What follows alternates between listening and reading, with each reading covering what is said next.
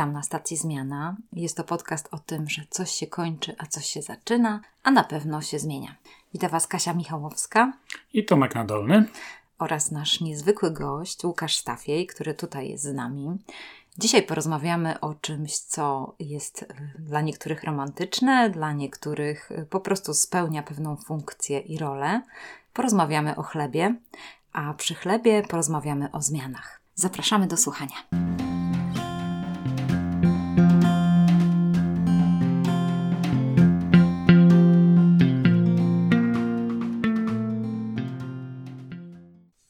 Dzień dobry, Łukaszu. Dzień dobry. W której godzinie jest śniadanie? Może od tego zaczniemy. Myślę, że pierwsze koło piątej. bo wstaje na czwartą albo nawet przed czwartą. No i tak się zaczyna dzień piekarza, że musi wstać bardzo wcześnie. Znaczy pewnie nie musi, ale ja sobie tak ułożyłem pracę, że musi. Za wszystko ja odpowiadam, więc mogłem sobie ułożyć jak chciałem te godziny pracy, no ale jednak, e, żeby wypiec chleb na rano, trzeba wstać w nocy. Chcemy naszych słuchaczy trochę poznać z Łukaszem, ze względu na to, że Łukasz jest takim przykładem w ogóle zupełnie zmiany w swoim zawodzie, bo zaczynałeś jako kto? Tak jak ty. Uczyłem się, żeby być dziennikarzem, studiowałem, żeby być dziennikarzem. No i potem jakoś się złożyło, że pracowałem jako dziennikarz przez te kilkanaście lat, bodajże 13 czy tam 14. No ale w końcu postanowiłem zmienić branżę, no i stanęło na chlebie. Twoje życie to się tak zmieniło bardzo, e, moim zdaniem, dlatego że ja próbowałem sobie przypomnieć, ile my się znamy. Chyba mniej więcej tak Naście. długo, jak pracowałem w mediach. No jakbyśmy mieli to uporządkować, to pewnie jak zaczynałem pracować jeszcze w Gazecie Wyborczej, skoro już wspominamy te przeszłe słusznie czasy, to chciałem się zajmować kulturalnymi sprawami. Potem trafiłem do portalu miejskiego, który już nie istnieje i tam pisałem o wszystkim, bo trzeba było pisać o wszystkim. No i po jakimś czasie trafiłem do kolejnego dużego portalu, Trójmiasto.pl i tam już mogłem się specjalizować w tej kulturze i odczytam rozrywce, po jakimś czasie stwierdziłem, że rozszerzę sobie te pole zainteresowań i zacząłem pisać faktycznie o gastronomii. Odwiedzać wszystkie nowe lokale, które powstały w Trójmieście i opisywać. No i pewnie to w jakiś sposób też zapoczątkowało tę przygodę z chlebem, bo zawsze lubiłem jeść i interesowałem się kulinariami też lubiłem gotować. No i pewnego dnia wymyśliłem sobie, że chcę upiec chleb. No i było to dokładnie w zasadzie 5 lat temu, w, pamiętam w majówkę 2017 roku, gdy wziąłem urlop na majówkę i nie zrobiłem jak większość ludzi, którzy pojechali gdzieś tam sobie na wiosenne wypady, to ja zacząłem piec chleb i piekłem codziennie chleb. E, jeden zaczynałem, drugi, drugi kończyłem i tak przez kilka dni. Żaden nie wyszedł. E, pierwsze doświadczenia zdobyłem. A to ktoś był twoim wtedy przewodnikiem w tych zmaganiach? Coś przeczytałeś? Coś, e, ktoś ci dał przepis? Bo ja to pierwszy chleb upiekłem, jak mi Kasia dała przepis. Nie? No Także... i ciekawa jestem, skąd miałeś zakwas. Czy sam no zrobiłeś zakwas, czy dostałeś od kogoś zakwas? Czy jednak na drożdżach? Chyba sam Łukasz zrobił zakwas. Zakwas no. sam zrobiłem, Właśnie. bo zakwas to taki twór trochę mityczny w świecie pozapiekarskim, bo ludzie myślą, że trzeba mieć nie wiadomo jak długo hodowany zakwas, najlepiej taki stuletni z Podlasia, co go jeszcze babcia mieszała, ale tak naprawdę zakwas to można zrobić w ciągu tygodnia, dwóch odpowiednich proporcjach i odpowiednich interwałach czasowych, mieszając mąkę z wodą. I taki zakwas będzie równie dobry, co ten legendarny zakwas wzięty z jakiejś tam piekarni, nie wiadomo skąd. No i sam zrobiłem zakwas i zacząłem piec chleba. Jak się uczyłem? No, uczyłem się z internetu. Bo jak wiadomo, internet jest, jest skarbnicą wiedzy wszelakiej i jest e, miejscem, gdzie ludzie wszelacy się spotykają i wtedy istniały takie grupy na Facebooku, które zrzeszały dom domowych piekarzy, którzy chcieli czegoś się dowiedzieć i skonfrontować swoje doświadczenia z doświadczeniami innych domowych piekarzy. I pamiętam, że szukałem tam informacji, pytałem ludzi, wymienialiśmy się zdjęciami, wymienialiśmy się poradami i te chleby jakoś tam powstawały w bólach. Też YouTube jest świetnym źródłem wiedzy, szczególnie takiej wizualnej, wiadomo, żeby nauczyć się pewnych umiejętności. No i w ten sposób zacząłem, metodą prób i błędów. Żadnego wykształcenia czy żadnej wiedzy zdobywanej oficjalnie jakimiś drogami zdobywania wiedzy piekarniczej nie, nie, nie posiadałem. I potem nastał kolejny etap zdobywania wiedzy, to znaczy po prostu odezwałem się do piekarni rzemieślniczych w Polsce, czy mogę wpaść do nich na staż. Udało mi się do takich dwóch, do trzech piekarni w Krakowie i w Poznaniu trafić, gdzie już skonfrontowałem te moje samodzielne doświadczenie z, z taką wiedzą i takim know-how oficjalnym, powiedzmy. To też nie były piekarnie założone przez profesjonalistów, tylko ludzi, którzy sami się e, nauczyli i postanowili przekuć tę pasję czy doświadczenie po prostu w biznes. No I to był chyba 2018 rok, gdy odbyłem te kilka staży, łamane na 2000, początek 2019 i w międzyczasie zacząłem piec chleb nie tylko już na potrzeby domowe, ale też na potrzeby znajomych. W takich bardzo nieoficjalnych warunkach stworzyłem sobie małą pracownię, wstawiłem piec, mieszadło. Potrafiłem w taki dzień wypiekowy, którym stała się niedziela, bo pozostałe dni pracowałem, miałem tylko wolny weekend, przygotować kilkadziesiąt, kilkadziesiąt chlebów, potem w nocy z niedzieli na poniedziałek je wypiec i zawieźć je do mojej pracy, gdzie je sprzedawałem ludziom żonnym chleba, dobrego chleba. Mhm. Jakby ten chleb, na którym ja się skupiłem od początku, to nie był taki typowy chleb, jak w Polsce jest kojarzony z chlebem żytnim na zakwasie, który miesza się, wrzuca do foremki i wypieka. Tylko ja postanowiłem, że się nauczę robić taki chleb długo fermentujący, pszenny, który się fermentuje w koszyku, potem trzeba go przerzucić do pieca i wypiec już bez formy. No i chyba to było takim największym wyzwaniem, żeby nauczyć się robić tego typu wypiek.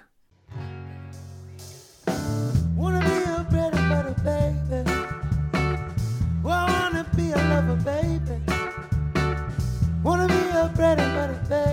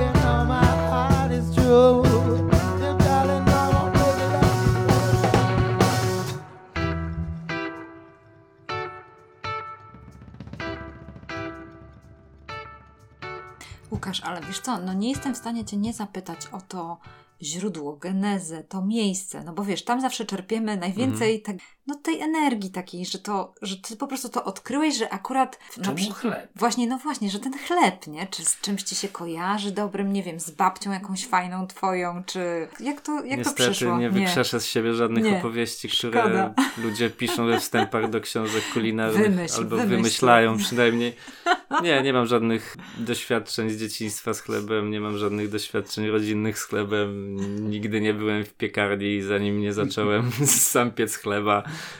Po prostu uważałem, że zrobienie takiego długo fermentującego chleba jest dość dużym kuchennym wyzwaniem i dlatego chciałem to spróbować zrobić. A, no to po prostu to może cię nakręca, że ci się udaje, bo no, zajawiłeś się tą pasją i tak jak mówisz, że rozumiem, że pewnie równolegle to trwało, że pracowałeś i pewnie piekłeś tak domowymi sposobami i coraz więcej tego chleba schodziło, ale jak y, no bycie przedsiębiorcą, bycie y, na pełen etat piekarzem, kurczaki, to jest mhm. ryzyko wielkie. Dlatego powiem, że ja wyjeżdżając z Trójmiasta pamiętałem zdjęcia twoje na Instagramie i jakoś widać było, że już tego robisz coraz więcej, że już się dzielisz z wieloma ludźmi tymi swoimi produktami. Na tym podziwie się zakończyło, a potem wracam Instagrama trzy lata później. Po pierwsze nie ma już Łukasza, jest ten profil jest mikropiekarni, nowy chleb. Jesteś przedsiębiorcą, który już w międzyczasie już sobie stworzył jakąś własną sieć sprzedaży, masz jakichś pracowników i tak. Dla mnie to był taki dość duży przeskok, że tak. to, że jakby się odważyłeś na tego typu zmianę, bo to jest jednak, nie?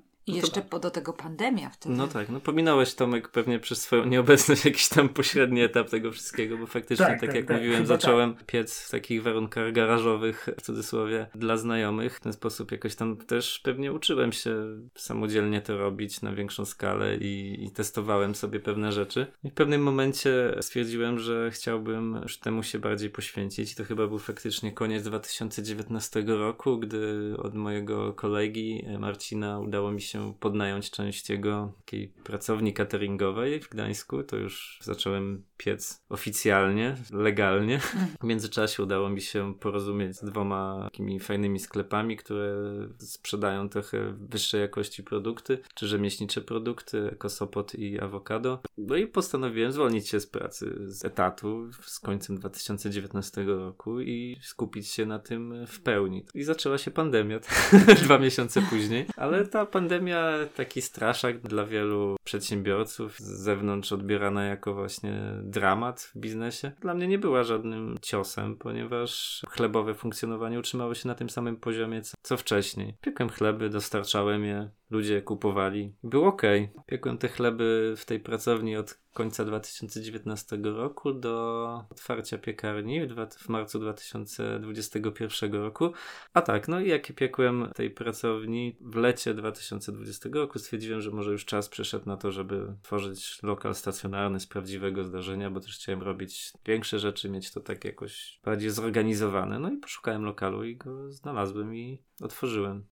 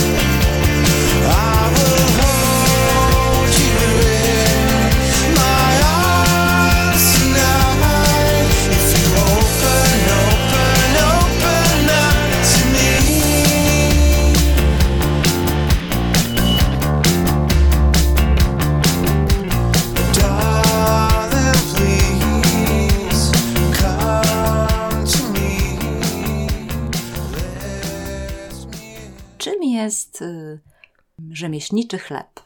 Czym on się różni od takiego chleba zwykłego, którego kupujemy, pokrojone folie zawinięte? Jak to jest, Łukaszu? Czym to w ogóle się różni?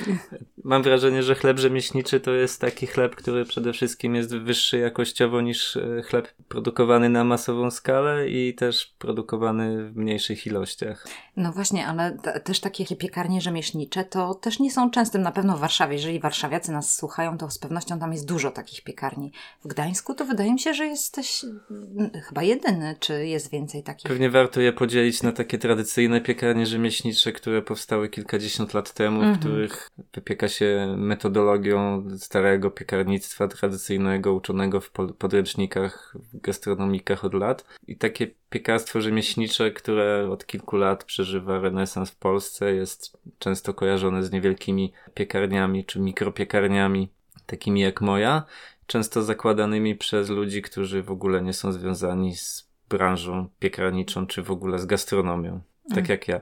W Trójmieście jest kilka miejsc, które wypiekają e, chleb rzemieślniczy, czy szerzej w ogóle po wypieki rzemieślnicze, ale w tej chwili taką piekarnią, czy takim lokalem nastawionym wyłącznie na takie wypieki nowy chleb jest jedyny. Mhm.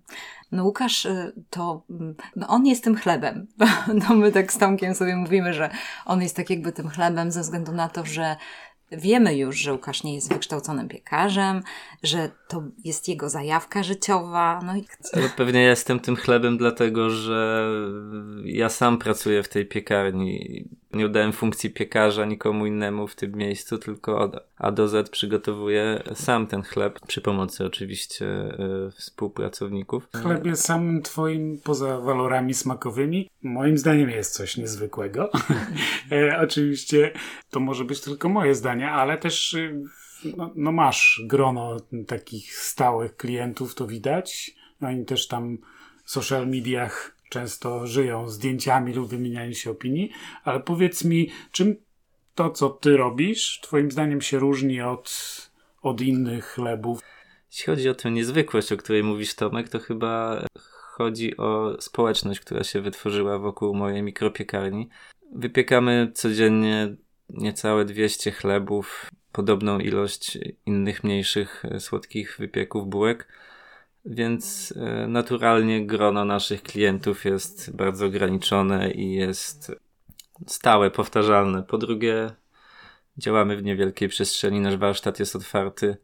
Siłą rzeczy nawiązujemy jakieś relacje z klientami, którzy do nas przychodzą, poznajemy ich, e, a można nawet powiedzieć, że dobrze ich znamy.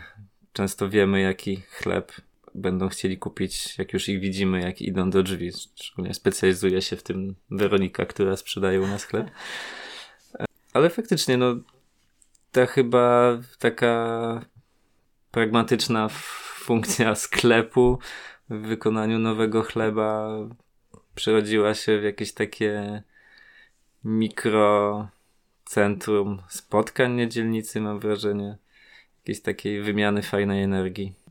I to, I to nas bardzo interesuje, Łukasz. Jak to się stało, że ty w ogóle masz ten e, miejsce wymiany tej energii, że tak powiem.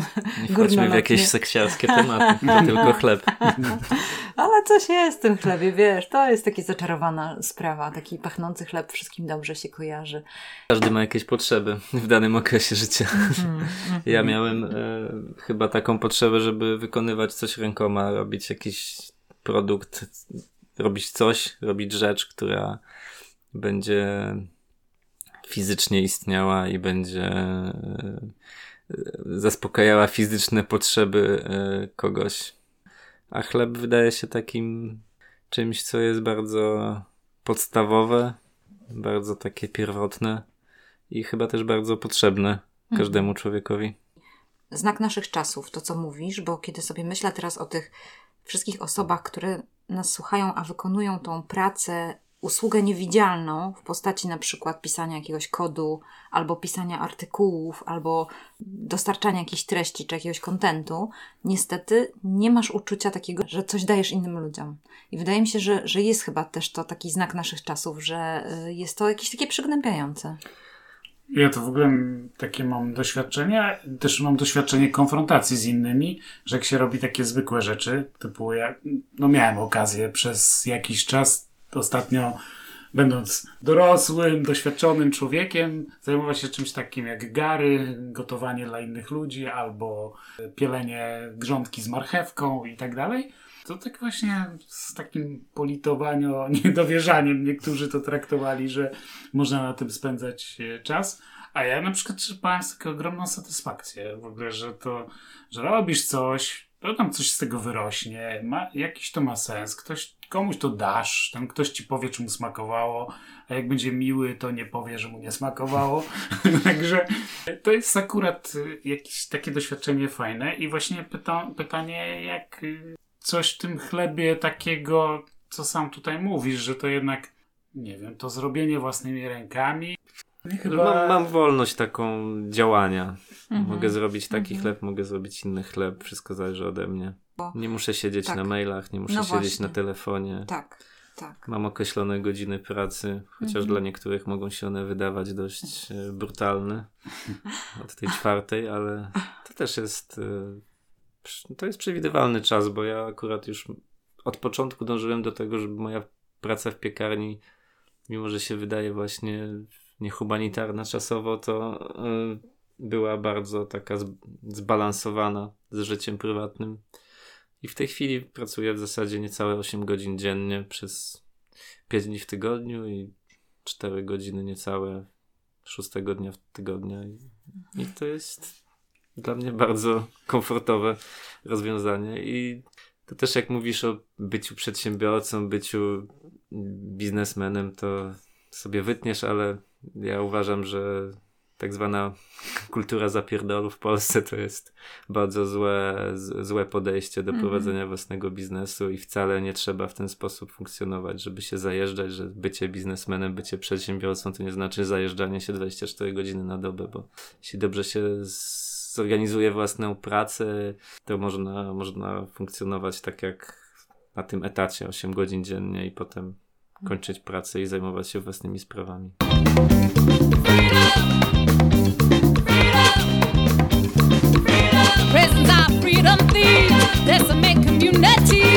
Destroying our families, leaving no opportunity.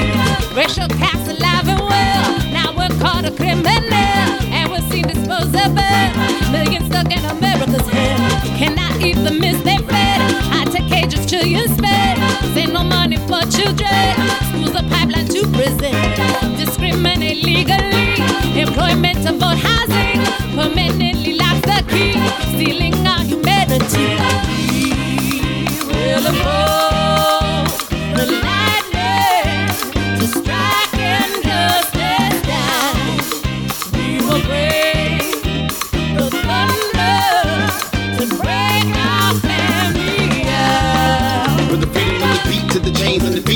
To the family separation, immigration, got me chasing liberation, new slaves in a new slave nation, modern day plantation, making product for a corporation, black coat chain, gang, gang, bang, guns, bang, bang, dope sell, slang that thing, broke tank, still slit paint, insane, four walls, boss, chain, too many names, struggle not in vain, so we fight for those things that we can't change, and so we sing, freedom of the mind, freedom of the soul, freedom of the heart, and freedom, here we go, battle for the lives and the folks that we know, battle for the seeds and the future that we sow, plant them seeds so we can see them grow, lightning to the sky so everybody know, thunder crash loud, life and death flow, can't the spirit of the fire of the soul, breaking down the laws of the new Jim Crow.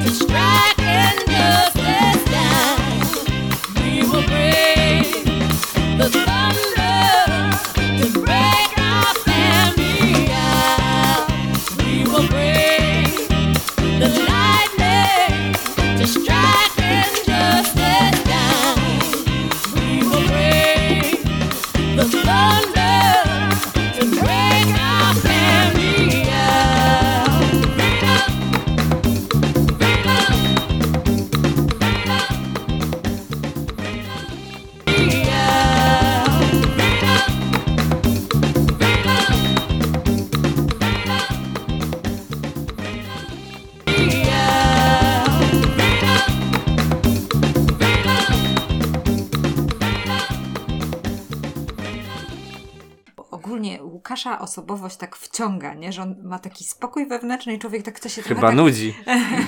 Nie, nie, nie. Właśnie nie. To jest właśnie, was? tak. To jest takie fajne, bo można się tak przy tym twoim spokoju tak, tak po prostu ogrzać i pomyśleć sobie faktycznie, tak jest Łukasz, tak jak mówisz i to jest coś, co pragnie moje serce, nie? Że to jest e, właśnie, e, no czasami takie proste czynności, takie wiesz, e, no to co, to, co zgubiliśmy. O, właśnie, wiem No o dla co mi mnie to chodzi. jest tak, bardzo potrzebne, ale Mhm. prawdopodobnie znaleźliby się ludzie i pewnie byli, byli w większości, dla których to by była paraliżująco nudna Tak. rutyna. tak, tak, tak. Czy ja dobrze na przykład, skoro mówimy o tym, co ja, co odczytujemy, jakby i ty potwierdzasz bądź nie nasze tutaj intuicje, czy ja dobrze widzę, że też jakby świadomie prowadzisz biznes, który jest po prostu ma pewne ograniczenia, że nawet gdyby można było otwierać kolejne, to już by wtedy nie było to robione przez ciebie. No tak, to jest prawdopodobnie bardzo łatwo skalowalny biznes, bo można by pewnie klonować takie oddziały piekarni, jeśli oczywiście by się znalazło do tego ludzi, którzy by to prowadzili. W tej chwili jestem na takim etapie i nie rozważam innego, żeby prowadzić to na pewną ograniczoną skalę, która daje mi jakąś tam satysfakcję i spokój wewnętrzny i, i tak jak mówi Tomek, no w ten sposób y, chcę funkcjonować teraz. Mhm. To jest naprawdę mega ważne, Łukasz, bo ograniczenie siebie i zdecydowanie, że nie chcę więcej kasy, to jest trudna decyzja. I zresztą widzimy w Gdańsku wiele takich biznesów piekarniczych, kiedy zaczynało się od małego, że ktoś miał jakiś, ktoś miał jakiś pomysł, koncepcję i wiecie, to była taka mała piekarenka, a nagle się milion oddziałów zrobiło i to jest już taki e, właściwie no, no rozwój taki zmęczony. Znaczy nie wiem, może ci właściciele tych biznesów są zadowoleni ze swojej mhm. firmy, ale to też e, chyba jest nieporównywalne, bo takich piekarni rzemieślniczych oprócz mojej to, to, to specjalnie nie ma w mhm. Trójmieście. Znaczy mhm. powstają powoli. Nawet w branży piekarni rzemieślniczych to takie jak moje są nieliczne, bo już biznesy się rozwijają, już właściciele często sami nie pieką. No ale ja przyjąłem sobie taką metodę, że, że sam piekę, sam jestem codziennie w piekarni i, i na razie mi to odpowiada. A powiedz mi, mm, jaki jest ten twój chleb? Czy to, co go różni od, od, y, od innych chlebów? No, trudno mi będzie zachwalać mój własny chleb, ale podobało mi się to, co kiedyś powiedziała e, znajoma, e, dla której e, wypiekłem kilkadziesiąt bochenków na wernisaż jej wystawy. Ania Królikiewicz powiedziała, że to jest uczciwy chleb. Chyba to jest najlepsze określenie, bo to jest chleb, który jest robiony z dobrej jakości mąki, na pewno nieśpiesznie. E, no jest robiony zgodnie z zachowaniem jakichś tam zasad długiej fermentacji, co też wpływa korzystnie na, na jego e, jakby odbiór przez nasze żołądki. E, a jak smakuje, no to. Trzeba spróbować. Trzeba go mhm. spróbować. No, tak. Myślę, że jest, ma trochę głębszy smak niż chleb przemysłowy. Też y, ludzie chwalą, że, że dłużej zachowuje świeżość. Mhm. I można go jeść przez kilka dni. No właśnie, bo to chyba, to chyba jest klucz i fajne słowo, uczciwy chleb, bo jeżeli robi się coś w domu, tak jak my z Tomkiem pieczemy chleb, no to wiemy, co tam do tego chleba wrzucamy. I że nie oszczędzamy, nie? Na przykład. No, no dokładnie, że się nie, nie oszczędzamy, czy nie będziemy oszukiwać sami siebie, tylko robimy to, bo sami to zjemy i zje to nasza rodzina i to jest fajne co mówisz, Łukasz, bo to mi pokazuje, że to jest właśnie no, uczciwe, nie? Że robisz to tak, jakbyś robił to dla siebie i chyba to jest cały clue, nie? No Tylko... No jem ten chleb codziennie niemalże, więc tak, tak. poniekąd robię dla siebie. Tak. A powiedz mi, jeśli byś bo to jest dość interesujące i ty strasznie tak twierdzisz skromnie, że to a, takie nic wielkiego. Jak wygląda życie pieka, piekarzyny? Bo ty czasami takie używasz nawet słowo opisując siebie. Jak wygląda takie codzienne życie i czym ona się mniej więcej różni od, od życia, które prowadziłeś wcześniej? Największa zmiana to jest chyba te wspomniane godziny wstawania i kładzenia się spać, tak? Bo muszę wstać na czwartą, a żeby wstać na tę czwartą muszę najpóźniej położyć się o 21.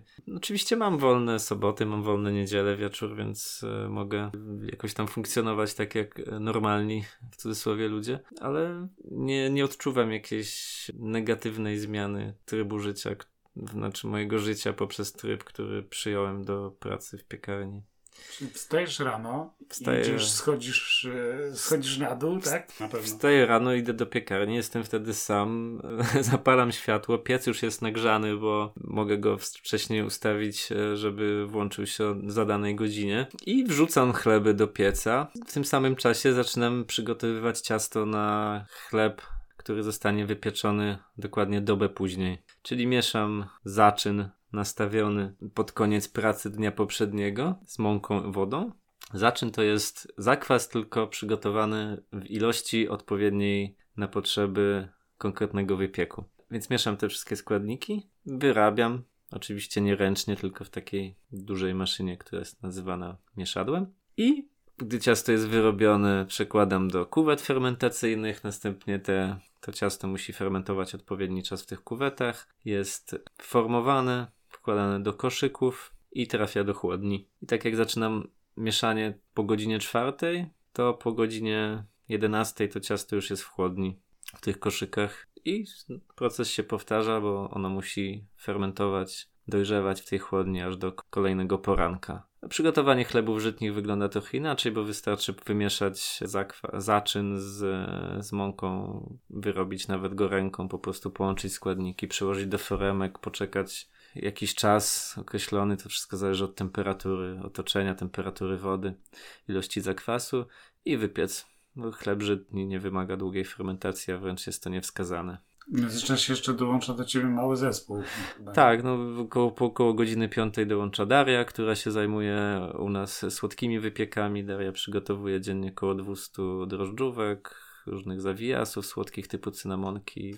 Tak, próbując nie, wpad- nie wpaść na siebie na tych 25 metrach kwadratowych, przygotowujemy to wszystko i o godzinie 7.30 chleby już są wypieczone, pierwsze słodkie wypieki też już wychodzą z pieca, mniej więcej do godziny 9 trwa produkcja słodkich e, rzeczy na ten sam dzień. Jak e, słodkie już są wypieczone, to zaczynamy przygotowywać chleby na kolejny dzień. Tak to 11 mniej więcej kończymy. Na, na siódmą przychodzi jeszcze Weronika, która zajmuje się sprzedażą. No i do 13.30, do 14 w zasadzie kończymy pracę. Weronika mhm. zamyka piekarnię i wszyscy idziemy do domu. Jak piekarnia jest zamknięta wcześniej, to znaczy, że wszystko sprzedaliście. Tak, tak. tak? Bo albo sprzedajemy, albo jesteśmy do 13.30, albo do ostatniego chleba. Okej. Okay. Co się zresztą często, nie wiem, przynajmniej ja miałem takie doświadczenie, że często się, że mhm. szybciej już było wyprzedane. A... Tak, to różnie bywa, naprawdę trudno przewidzieć frekwencja danego dnia to jest mhm. totalnie nieprzewidywalne. Wiemy, że we wtorek i w sobotę szybko wszystko się skończy, bo we wtorek po weekendzie, a w sobotę przed weekendem, bo w niedzielę i poniedziałek jesteśmy nieczynni, ale w środę, czwartek i piątek jest bardzo nieprzewidywalny. Znaczy może się szybko skończyć, mogą chleby być jeszcze do końca otwarcia.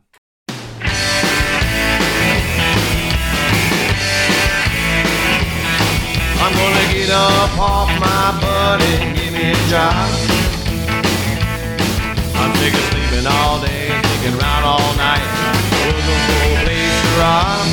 I ain't good at too much and I don't care if I fail. Cause I'm a old for trade, smokes and in jail. My daddy was a good old guy. My mama never laid a hand on me. I'm just a rotten old apple far from the family tree. I just turned out the way I did. I ain't gonna blame my mama and pop. It takes too much time and effort, always up in the law.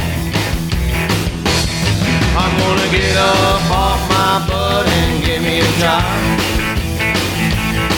I'm sick of sleeping all day, I ain't good at too much and I don't care if I fail. Cause I'm a too old for trading smokes and rotting in jail.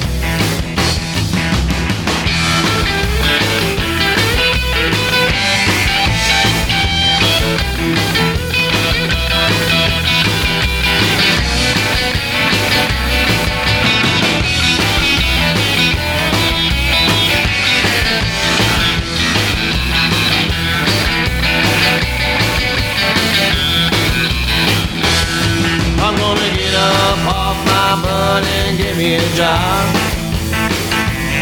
I'm sick of sleeping all day, sneaking around all night, looking for a place to rock. I ain't good too much and I don't care if I fail. Cause I'm a old for trading smokes and in jail. Well, I'm a due for a little routine, a paid lunch and two breaks a day.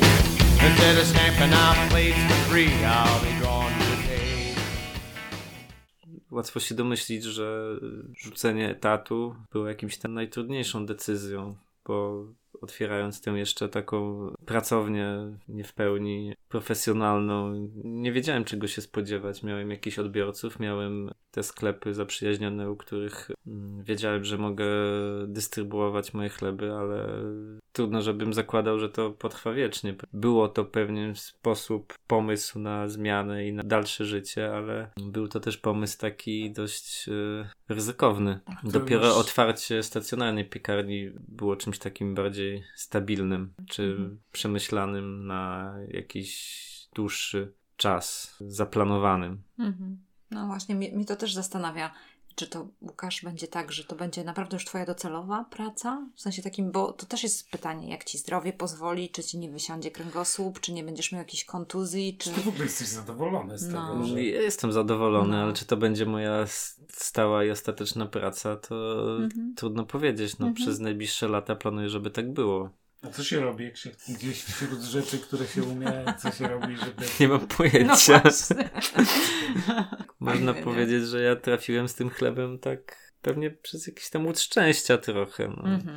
Takim motywatorem było to, że zainteresowałem nim ludzi jeszcze zanim podjąłem tę ostateczną decyzję o tym dużej inwestycji i dużym ryzyku. Mhm. Mówię o otwarciu lokalu. Więc miałem te takie etapy przejściowe, niskokosztowe, które pozwoliły mi przetestować i produkt, i siebie. Jeśli to miałaby być jakaś recepta, to, to właśnie coś takiego chyba Tak. jest rozwiązaniem. Ale oczywiście nie każdy ma ku temu możliwość. No, to, że znalazłem pracownię, gdzie mogłem pierwszą fazę rozwoju piekarni prowadzić, to też było chyba bardzo duże szczęście, bo długo szukałem takiego miejsca. Nie chciałem wynajmować nic samodzielnego jeszcze wtedy, chciałem podpiąć się pod coś istniejącego, ale było to niemalże niewykonalne, tylko dzięki właśnie koledze Marcinowi, totalnie przez przypadek, którego znałem z dzieciństwa, bo jest kuzynem mojego przyjaciela i nagle sobie przypomniałem, że on ma przecież pracownię cateringową. Zadzwoniłem do niego, on powiedział, jasne, mam jedno wolne pomieszczenie, wpadaj. Mhm. A gdyby nie on, to pewnie nie wiem, czy bym te chleby robił. Mhm. Ja tak przyglądając się z zewnątrz twojemu biznesowi, to wydaje mi się, że to różni twoją ścieżkę od wielu takich ścieżek, które już tutaj też w podcaście słyszeliśmy, że tutaj nie ma żadnego takiego właśnie gwałtownego momentu i tak dalej, chociaż pewnie ten moment, w którym musiałeś zacząć płacić ZUS sam, nie, nie Mhm. miałeś już tej gwarancji, że 30 czy tam 10 zawsze jest jakiś przelew, to, to wymagało jakiejś po prostu odwagi i wiary w to, że ci się powiedzie, no ale jednak ty rzeczywiście etapami przygotowywałeś jakoś tam sobie No tak jak powiedziałem, lubię przewidywalność i może to bardzo mało romantycznie zabrzmi, ale nie wiem, w prowadzeniu biznesu pewnie romantyzm nie jest zbyt pożądany. To zanim nawet założyłem tę pracownię, która, która jeszcze była nieoficjalnym tworem, to miałem dokładnie wszystko wyliczone w tabelkach w Excelu, co mnie może spotkać, jakie będą koszty wszystkiego, ile mogę na tym zarobić i dopiero jak to mi się dwa razy spięło, to zdecydowałem, że to będę robił. No ja podejrzewałem, Zdobyłem- w końcu to mówisz. Zdobyłem też ogromny know-how w tych piekarniach, w których byłem, dzięki znajomym piekarzom, mikropiekarzom, piekarzom rzemieślniczym z internetów, gdzie jest bardzo duża społeczność, chociażby na Instagramie. Mogłem się wymieniać wiedzą na temat sprzętów, na temat przeróżnych aspektów funkcjonowania takiej piekarni i można powiedzieć, że w 90% wiedziałem, jak to będzie funkcjonować i z czym muszę się, z czym się spotkam, jakie będą ryzyka, jakie będą sytuacje, zanim w ogóle otworzyłem piekarnię. I dokładnie miałem przemyślane to, co chcę, żeby, na jakim sprzęcie chcę pracować, ile on kosztuje, gdzie go kupić i, i tak dalej, więc Mhm. Mhm. No jest, jak, jak już nie będzie mi się chciało piec, to będę mógł otwierać takie piekarnie. No no, to jest mega. Te piekarnie, w których stażowałeś, to one cię tam za darmo wpuściły? Czy, czy ty płaciłeś swoją pracą? Czy... Dosłownie trzy, trzy przeróżne podejścia do takiej sytuacji. W jednej piekarni byłem za darmo i nic za to nie dostałem, w drugiej piekarni dostałem pieniądze za tydzień pomocy, a w trzeciej piekarni zapłaciłem za to, że byłem. Więc to Mhm. wszystko zależy od Mm. ludzi, którzy Super. prowadzą. Chyba w tych przygotowaniach do tego wszystkiego pomogło mi moje poprzednie doświadczenie zawodowe, czyli taka jakaś umiejętność i potrzeba researchu dokładnego. Bo z jednej strony właśnie ta wiedza wyniesiona z innych piekarni, z drugiej strony no, ogrom pracy zrobionej w sieci, w szukaniu informacji, porównywaniu parametrów i zestawianiu tego wszystkiego ze sobą. Ogromnym, ogromem pracy jest też na przykład w takiej małej przestrzeni wyliczenie przestrzeni co do centymetra, żeby wszystko się zmieściło. No i ja tu miałem wszystko wyliczone dokładnie, bo musiałem mieć to jakby przemyślane, żeby czuć się dobrze z tym, że, że w ogóle coś takiego zrobię. Mhm. Mhm. No mnie cieszy najbardziej, że ty wyglądasz, że, że, że ciebie takie życie bawi, że to, że jest to, że jest to dla ciebie nadal fajne, pomimo jednak, mimo wszystko pewnej rutyny w tym, nie? No bo to, je, no to, jest, to jest ogromna rutyna, to jest totalna powtarzalność, nawet jakby o rutynę tu chodzi, bo wszystko funkcjonuje najlepiej, gdy wszystko się spina co do pięciu minut w piekarni. Mm -hmm. Każda czynność poranna. No i to mm -hmm. bardzo łatwo zobaczyć robiąc to po prostu, albo nawet stojąc z boku. Ja codziennie robię to samo w tym samym czasie. Dla mnie to jest okej. Okay. I to jest super, że ty to odkryłeś, Łukasz, że tak jest, nie? że możesz długo wykonywać podobną rzecz, nie? być no, odporny na można rutynę. pokochać Dzień Świstaka. Tak, tak, tak, tak, dokładnie, taki Dzień Świstaka.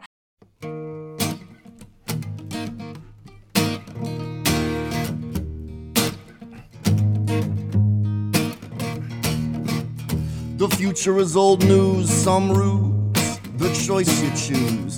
Decked out like a financier, feckless like the fox you fear. Yeah, for the trophy cup, the university of prom queen runners up. Drowsing the immeasurable, leather and wool, it's ahead of your pull. No chance, lose your trance, and napping like the sycophants. Day by day by day by day by day by day, by day, by day, day by day, by day, by day, by day, by day, by day, by day. I never laughed when I saw you dance.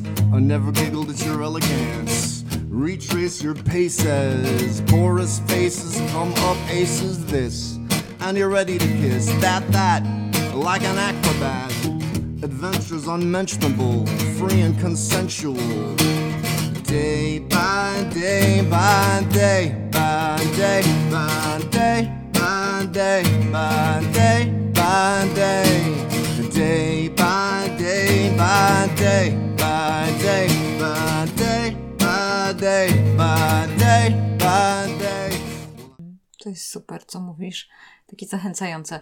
Z drugiej strony też myślę sobie o tym, że to jest ważne, to co powiedziałeś, żeby to spróbować, czy to do ciebie pasuje, czy to jest to, co, no czy to, co jesteś w stanie to znieść. To ileś razy y, musisz teraz wykonywać, nie, przez te lata i widzisz, czy to, te rutynowe działanie do ciebie pasuje, czy nie za bardzo. Mhm.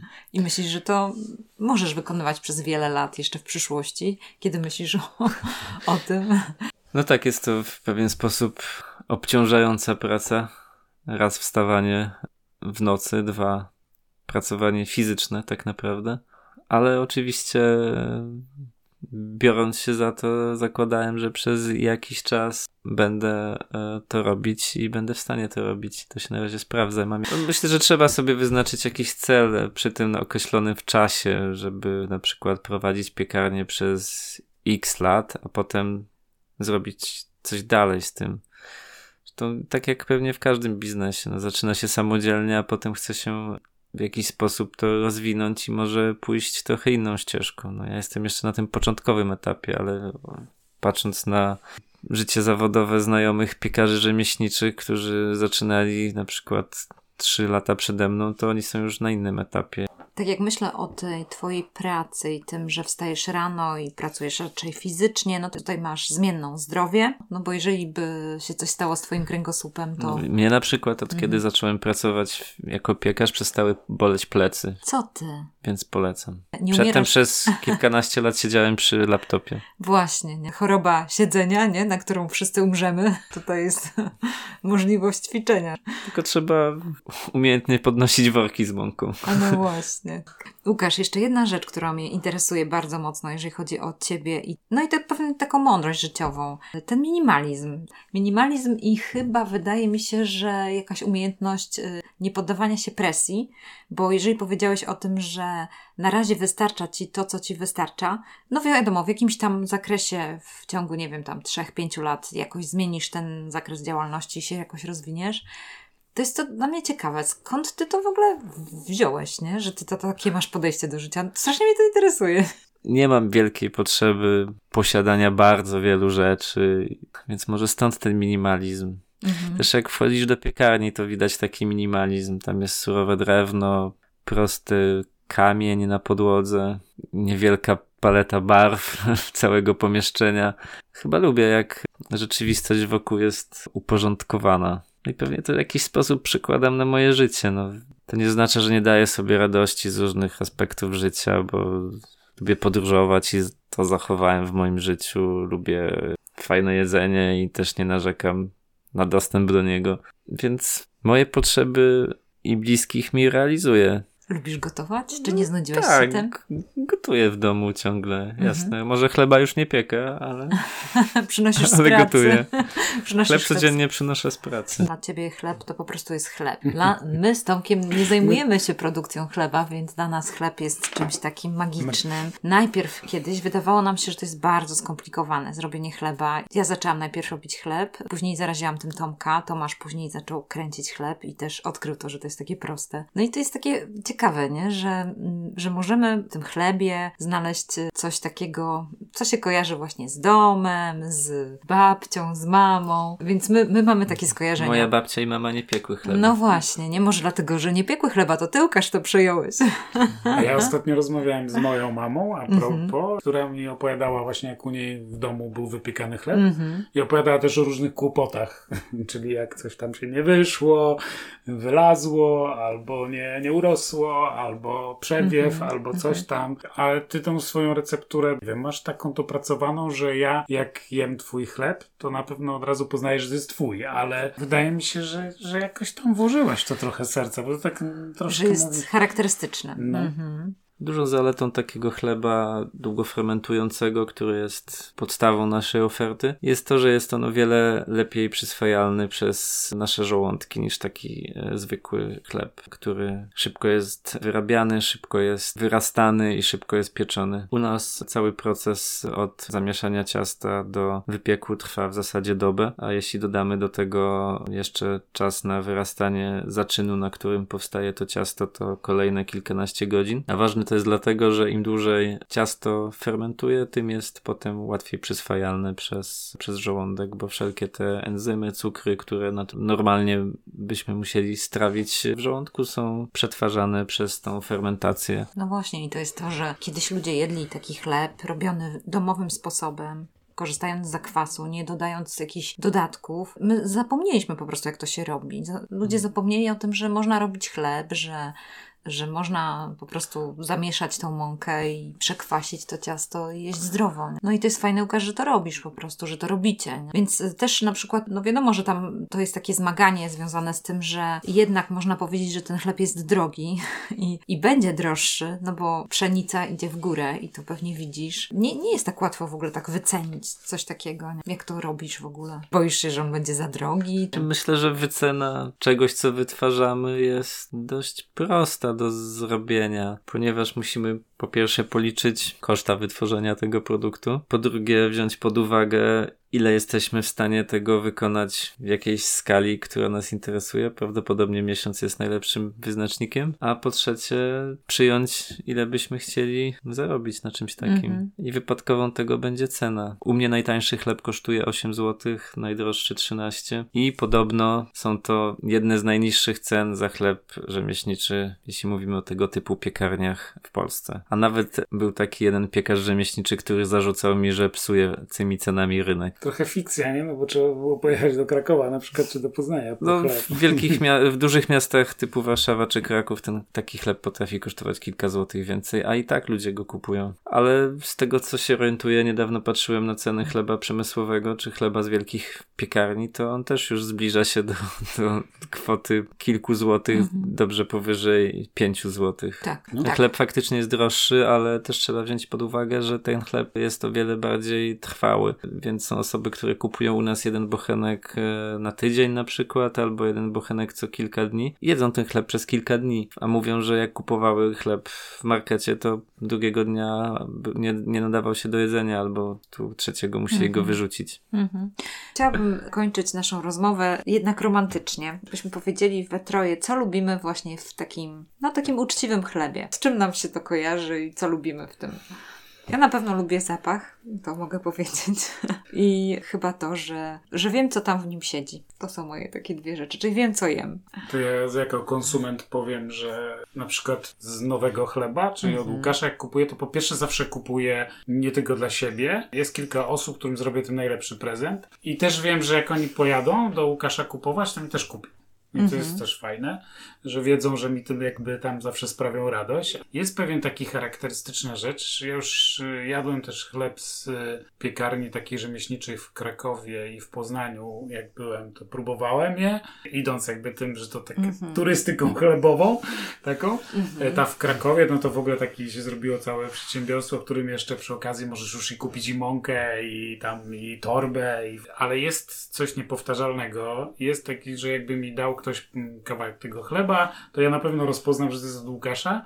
Prawdopodobnie to, to po prostu jest zawarte w tym jego przepisie. To, że to jest taka nieduża firma, w której każdego znasz tam z imienia i że to wszystko jest tak transparentne i że to widać, nie dość, że ta szyba, przez którą widać jak to jest robione wszystko, to jeszcze to okienko przez Instagrama, na którym e, zawsze widzisz, co dzisiaj wjechało, co jest, będziesz wiedział, że w przyszłym tygodniu już musisz się nastawiać, co, ja sobie w kalendarzu zaznaczam, żeby tam z rabarbarem czy coś, żeby się załapać, na przykład ja sobie w kalendarz wstawiam, żeby pamiętać, żeby tym razem rano to... Teraz musisz wpaść, bo jest sezon.